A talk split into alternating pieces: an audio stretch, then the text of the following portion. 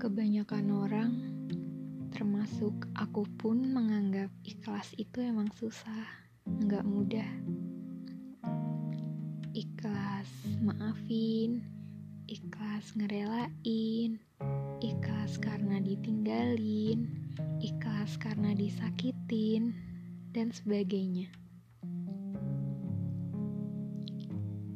Kalau emang belum ikhlas ya nggak apa-apa nggak perlu langsung bisa kok.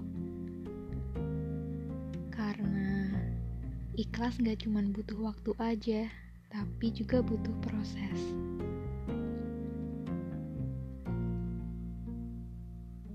Meskipun hati bertolak belakang, tapi harus tetap diusahain ya.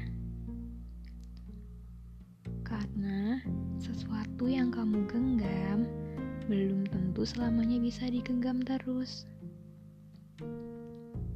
Walau prosesnya berat, ya udah jalanin aja. Karena nanti akan ada masanya kita tiba-tiba akan sadar.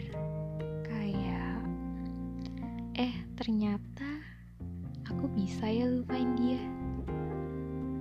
Ternyata nggak ada dia pun juga nggak apa-apa Ternyata aku malah lebih bahagia kalau nggak sama dia.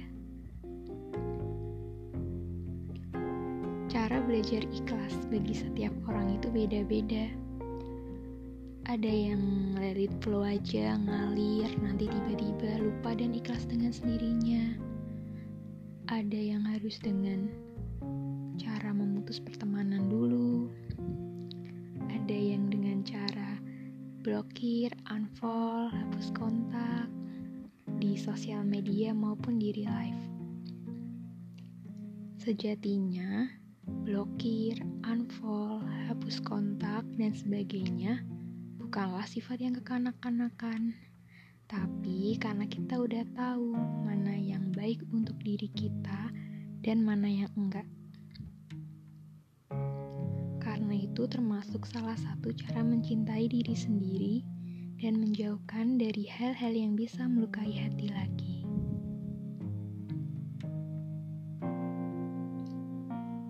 Setiap kejadian pahit ngajarin banyak hal agar kita bisa terhindar dari rasa sakit yang sama.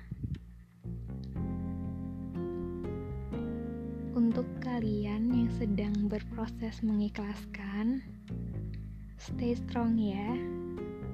Someday you will find someone that you belongs to be.